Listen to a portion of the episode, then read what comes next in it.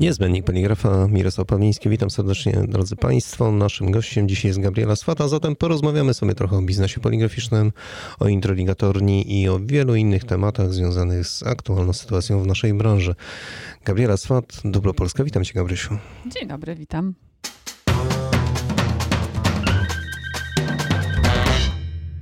Pandemia to jest taki temat, o którym wszyscy rozmawiają, zwłaszcza jeżeli chodzi o naszą branżę poligraficzną. Jak Wam się udało ten czas przeskoczyć? No, pandemia dotknęła nas również, y, nie tylko drukarnie i, i, wiele innych firm. My również spowolniliśmy w tym okresie, szczególnie w tej pierwszej fali. E, to było chyba wiosną zeszłego roku. Mm, faktycznie po tych targach, które mieliśmy w lutym, e, wszystko działało i funkcjonowało jeszcze bardzo sprawnie. Natomiast kolejne miesiące przynosiły faktycznie spowolnienie. To było widać e, na rynku. Niektóre drukarnie w ogóle przestały produkować. Tak, ale zauważ, że to był taki stan, że tak naprawdę nikt nie wiedział, jak się zachować. Tak. Wszyscy czekali, obserwowali, wycofywali się troszeczkę i mm, czekali na to, co się wydarzy. No, mieliśmy lockdown, więc oczywiście każdy wstrzymywał inwestycje, ale były też drukarnie, które świetnie w tym okresie sobie poradziły i również inwestowały. Ale zobacz, drukarnie książkowe sobie świetnie poradziły. Tak, to rzeczywiście mm, również my zaobserwowaliśmy, że drukarnie książkowe produkowały bardzo dużo, również inwestowały w tym czasie, bo nie ukrywajmy, że to był bardzo dobry czas na inwestycje. No i y, ja z premedytacją używam tej nazwy drukarni książkowej, tak jak ciebie prosiłem, ale tak naprawdę mówimy o drukarniach dziełowych, czyli wszystkie te, które robią między innymi książki, czyli oprawę miękką i twardą, w tym fotoalbumy tak. i tym podobne rzeczy. Tak. Tak, to się zgadza, Gabrysiu. Nawet my zauważyliśmy, że jednak y, to był dobry czas na inwestycje. To się potwierdza i to się zgadza, bo teraz jak spojrzymy na te drukarnie, które zainwestowały w tamtym czasie, to dalej ta produkcja jest na bardzo wysokim poziomie. Więc myślę, że to był naprawdę dobry czas na to, żeby zainwestować, bo zresztą my, dostawcy y, rozwiązań przeróżnej maści, też musieliśmy w tym czasie sprzedawać. Z jakiego obszaru mieliście najwięcej pytań, jeżeli chodzi o drukarnię? O co pytały najczęściej? Szczerze powiem, to nie pamiętam, bo to już jakiś czas temu się wydarzyło. Bardziej e, skupiliśmy się na tym, żeby reagować e, szybko na te zapytania. Natomiast faktycznie ten czas, tak jak wspomniałam, przynosił taki moment zatrzymania również, e, oprócz tych drukarni, które właściwie inwestowały. I e, z tego, co pamiętam, bardzo dużo zapytań o e, maszyny używane. Zdarzały się takie sytuacje, że rzeczywiście popyt na maszyny używane był, natomiast nie tak duży jak w czasach pandemii. Czyli racjonalne wydawanie ciężko zapracowanych, zarobionych pieniędzy. No i też właśnie ta niewiadoma, bo nie wiadomo było, co będzie dalej. Ja na przykład y, po tej pierwszej fali myślałam sobie, że jesienią wcale nie będzie takiej tragedii i będzie wszystko dobrze. Niepoprawny optymizm, a okazało się zupełnie inaczej. Czyli jesienią mieliśmy powtórkę z rozrywki. No i znowu zatrzymanie, aczkolwiek już tutaj jesienią dało się zauważyć to, że ludzie bardziej racjonalnie wrócili na rynek ostrożnie, aczkolwiek nie bali się już tak inwestować, jak to było w pierwszej fali. Tak, natomiast faktycznie nauczyliśmy się funkcjonować w tej pandemii i to przyniosło też przełożenie na, myślę, że na wszystkie dziedziny życia, nie tylko na branżę poligraficzną, więc e, podeszliśmy już bardziej racjonalnie w tej drugiej fali do życia i do jak sobie radzić w ogóle w takiej sytuacji. Nie wiem, czy zauważyłeś, ale pojawiło się także dużo różnych innych biznesów. Znaczy, ja nie mówię o biznesach w tym sensie, że tam biznes, tylko mówię o obszarach dla drukarni. Mhm. Pojawiły się e, zawieszki, pojawiło się bardzo dużo tych takich wyklejanych na podłodze. Tak.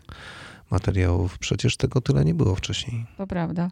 Czyli ten sposób komunikowania e, o, Aha, o tym wszystkim, co się działo, e, jak się powinniśmy zachowywać, to też tutaj w tej naszej branży przyniósł y, ciekawe, nowe pomysły.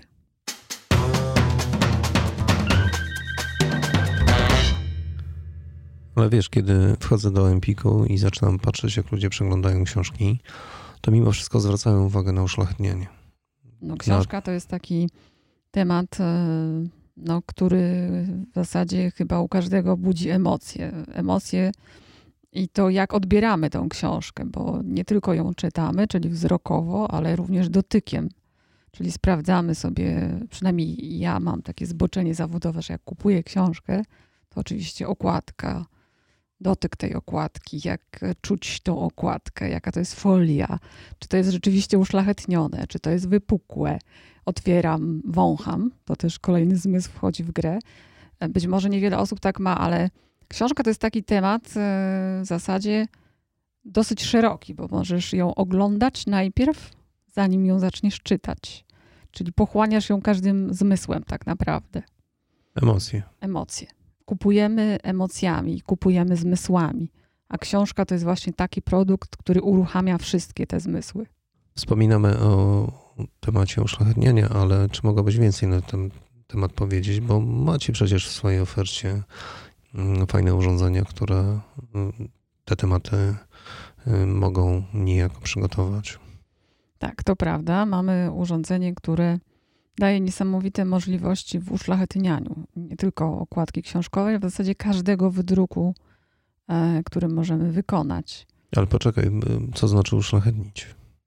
To znaczy upiększyć. Tak mało rzeczy teraz zachwyca, więc teraz spróbujmy sobie wyobrazić, że mamy produkt wydrukowany teraz, żebyśmy mu nadali takiego efektu, który zachwyci użytkownika, czyli osobę końcową, czy, czy tego, kto kupuje książkę, czy tego, kto dostaje zaproszenie, czy też inny rodzaj wydrukowanej e, pracy. No i teraz możemy rzeczywiście nie tylko e, nadać dodatkowych efektów wizualnych, czyli na przykład wyobraźmy sobie, że mamy jakiś thriller, książkę, gdzie na okładce mamy krew. No i teraz jak spowodować, żeby ta krew aż wychodziła z tej okładki? no możemy dołożyć lakier oczywiście, czyli uwypuklić tą krew, nadać jej odpowiednią grubość, tak żeby ten, kto kupuje tę książkę, dotknął tej okładki i od razu poczuł emocje związane z tą książką. Więc to uszlachetnianie daje efekt wizualny, ale też daje efekt czuciowy, że od razu uruchamia ci się wyobraźnia związana z tym dotykiem, co tam może się da- dziać dalej możemy na ten lakier dalej położyć różnego rodzaju folie metaliczne, czyli nadać jeszcze inny kolor albo jeszcze większą głębię czerwieni. Mało tego, na folię metaliczną znowu możemy położyć lakier. I w tej chwili budujemy sobie warstwowo efekt taki, który po prostu łapie uwagę użytkownika końcowego czy czytelnika, jeżeli mówimy o książce. Ale wiesz co, tak naprawdę poruszamy zupełnie nowy temat, Mm, do którego chciałem Ciebie nakłonić następnym razem, ale skoro już teraz wypłynął, to, to porozmawiajmy. E, drukarnie szukają swoich dróg, mm, bo to, co żeśmy rozmawiali przed samym podcastem, tak naprawdę wydrukować już można wszystko i wszędzie. Zgadza to się? Prawda, to prawda. Na wszystkich nośnikach w zasadzie wszystko i tak jak mówisz, wszędzie. Tylko co dalej? Ja takie hasło słynne powtarzam od lat. Wydrukowałeś i co dalej? Co z tym drukiem zrobić, żeby on miał nową wartość, żeby on był dla ciebie jako drukarni produktem wysokomarżowym e, i żeby się wyróżniał na rynku. Więc to, dlatego to uszlachetnianie tutaj daje takie szerokie możliwości i otwiera nowe perspektywy dla drukarni. No tak, ale tylko wtedy, kiedy drukarnia wie, jak je wykorzystać. To prawda. Tutaj rzeczywiście w rozmowach z klientami spotykamy się z takim troszeczkę ograniczeniem, czyli no okej, okay, mogę uszlachetnić właśnie okładkę, wizytówkę, podstawowe rzeczy. Natomiast e, ja mówię zawsze w rozmowach z, z osobami z produkcji, że tak naprawdę e, możliwości tych maszyn i rozwiązań do uszlachetniania, które mamy, to, to jest tylko ograniczenie wyobraźni grafika, który projektuje daną pracę, bo jeżeli on ma naprawdę dużą wyobraźnię, a ma, mieliśmy taki mm, projekt z klientem naszym wspólnym, gdzie grafik, no po prostu sky is the limit. Takie rzeczy e, wyciągał z możliwości tego uszlachetniania, że nawet byśmy nie wpadli sami na to, co z tym zrobić. Fenomenalna, fenomenalna sprawa i zresztą cały czas współpracujemy z tym grafikiem, bo niesamowita wyobraźnia. Też jak pokazujemy takie pokazowe materiały, to też faktycznie otwierają się kolejne tak zwane klapki I klienci mówią, wow, faktycznie, to można to tak zrobić, można to tak zrobić. Natomiast faktycznie rynek trzeba edukować w tej dziedzinie cały czas i nieustannie. Ale myślę, że nie tylko drukarnie, bo drukarnie to powiedzmy, że mają dostęp do technologii i oni dużej mierze wiedzą o tym, że taka jest możliwość. Natomiast myślę, że jednak klienci końcowi nie do końca mm, zdają sobie sprawę z tego, że, że jest to możliwe u nich przy produkcji danego produktu, czyli tej książki. Mam na myśli wydawnictwa, mam na myśli mhm. oficyny wydawnicze, które zamawiają mm, książki po prostu do produkcji. Tak, tak jest. To nie tylko jeżeli chodzi o książkę, ale nawet jeżeli mówimy o etykietach, to też klienci etykietowi mówią y, mi takie swoje spostrzeżenia, że rzeczywiście nawet jak pokazują jako e, przykłady e, etykiet uszlachetnionych i co możemy z tym zrobić, z tą etykietą, ona po prostu dostaje drugiego życia. No a finalnie przecież tą etykietę, jeżeli nakleimy na, na, czy na butelkę, czy na opakowanie, czy na cokolwiek innego, to potem ten, kto kupuje, no to kupuje wzrokiem, łapie. Nie wydaje ci się, że jest to jeszcze jeden taki obszar fajny dla drukarni? Oczywiście obszar, gdzie trzeba wydać pieniądze najpierw, czyli krótko rzecz biorąc, no właśnie, edukacja swoich klientów. Najpierw swoich klientów, a później poszukiwanie nowych klientów, żeby znowu ich edukować i przekonywać do tego, że mamy jakąś technologię w ogóle dostępną na drukarni.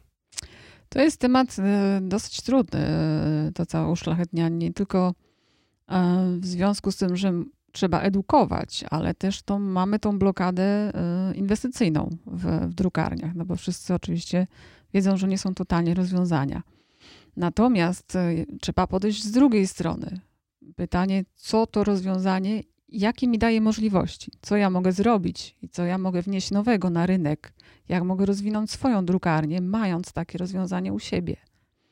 Też e, jeden z naszych klientów, e, e, który jest użytkownikiem lakierowania 3D i również metalizowania, no jest takim przykładem właśnie kreowania nowych produktów i, i znajdowania nowych dróg, pokazania tego finalnego produktu na rynku.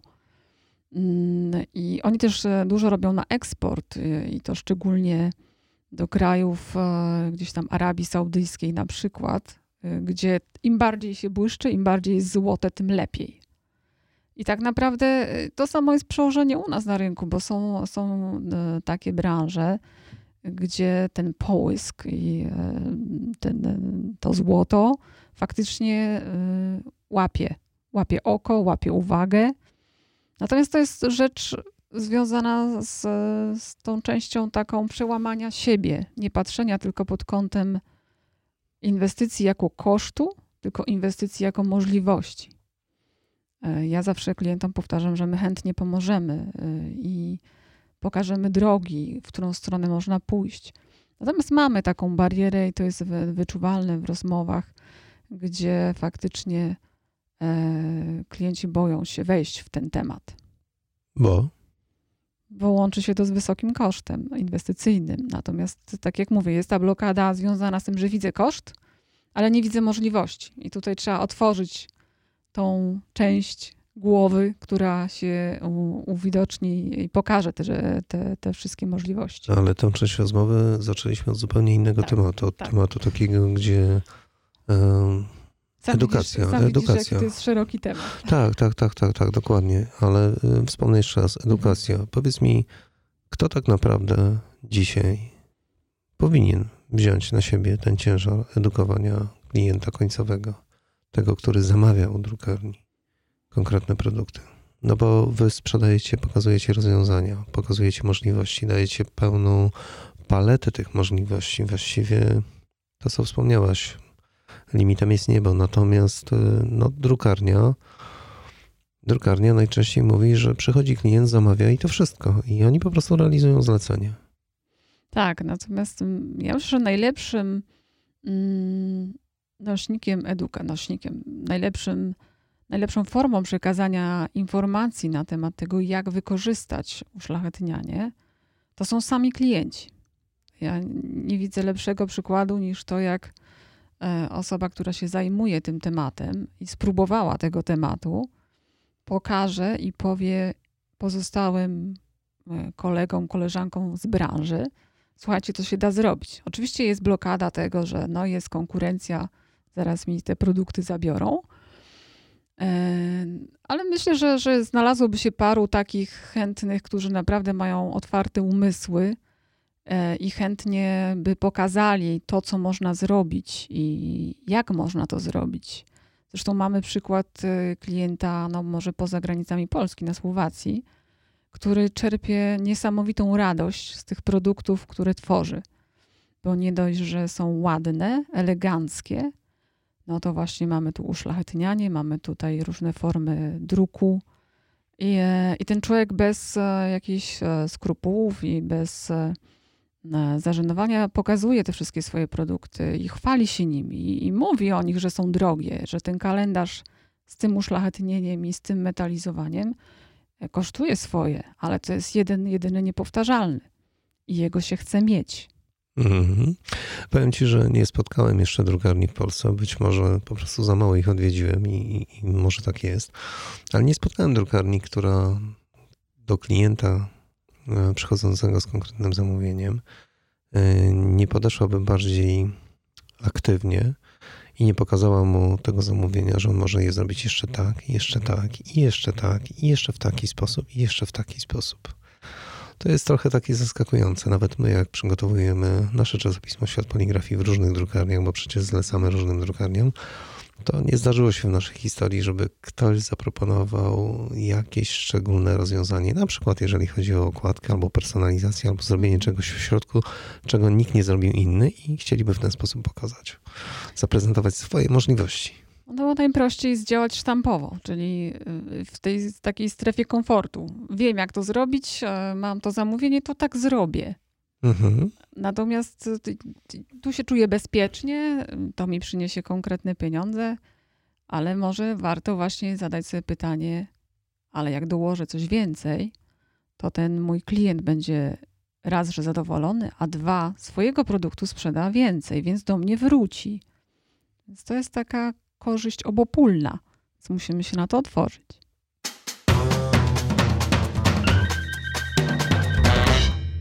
Introligatornia nadal jest trendy? No, sama introligatornia jako proces produkcji, ja nie wiem, czy można powiedzieć, że jest trendy, bo co to znaczy? Ja bym powiedziała w drugą stronę, albo około introligatorsko, że produkt, który wychodzi z introligatorni, czyli ten produkt końcowy, on może być trendy. On nawet y, y, tworzy pewne mody na rynku naszym poligraficznym. E, jeszcze niedawno y, opakowanie czy etykieta to był taki temat, że zajmowali się nim tylko specjaliści, czyli wysoko wyspecjalizowane drukarnie. W tej chwili opakowanie może zrobić każdy. Wydrukuje sobie mały nakład cyfrowo, może spersonalizować może wyciąć z tego najróżniejsze kształty, które tylko wyobraźnia przynosi, bo... Widziałaś opakowania do pizzy? Widziałam opakowanie do pizzy. Ale te z grami różnymi? A nie, to z grami nie widziałam. Wow. Może dlatego, że e, rzadko jem pizzę. Wiesz co, niedostępne są u nas w kraju. A. To takie niesamowite. Ale są nawet strony internetowe i chętnie tam dopiszę gdzieś e, w podcaście gdzie można obejrzeć takie przykłady zastosowań. E, nieprawdopodobne, co można zrobić z opakowania to pizzy. No to jest niesamowite. Ja powiem taki przykład, którym, bo rzeczywiście znowu wracamy do tematu pod tytułem, no, że tak mało rzeczy nas może zachwycić. Mhm. A e, opakowanie to jest jedną z takich rzeczy, która naprawdę może zachwycić i złapać uwagę kupującego. Ja zamawiałam ostatnio jakieś rzeczy w internecie dla swoich kotów w życiu bym nie wpadła, że sklep internetowy, który e, sprzedaje jakieś tam produkty dla zwierząt, e, e, może tak zapakować ten produkt, że jak ja otworzyłam tą paczkę, to mówię, wow, wow. Patrzę, mówię, co ja zamówiłam? Czy to są jakieś perfumy eleganckie? Tak pięknie zapakowane, z karteczką wydrukowaną. Pani Gabrielo, dziękujemy za zakup. Bardzo się cieszymy, że pani wybrała nasz sklep. I nawet jeżeli to była mała rzecz, którą ja kupuję raz na rok, no to ten sklep utkwił mi w pamięci do końca życia. Będę zawsze o nim pamiętać. Jak otwierałam paczkę, każdy produkt zapakowany oddzielnie, w eleganckim opakowaniu, To nie były jakieś ekskluzywne rzeczy, proste, typowe rzeczy, które możesz zamówić. I to też to właśnie, o czym mówiliśmy wcześniej, że niektórzy oferują sztampowe rozwiązania, idziesz coś zamawiasz w drukarni i robią tak jak zawsze.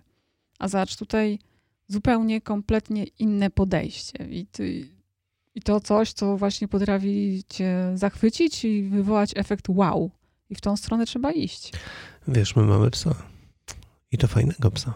I właściwie kupujemy w jednym sklepie tylko dlatego, że właśnie otrzymujemy dokładnie to, co chcemy i zawsze nas zaskakują tym, tak. w jaki sposób to otrzymujemy. I to jest niesamowite, ale potwierdzam Twoje słowa w 100%. Innymi słowy, warto pakować naprawdę pięknie, przepięknie, uszlachetniać, kolorowo i chyba kreować trochę te produkty mimo wszystko. Jak najbardziej.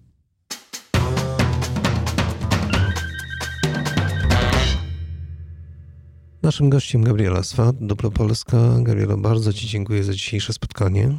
Państwu za odsłuchanie.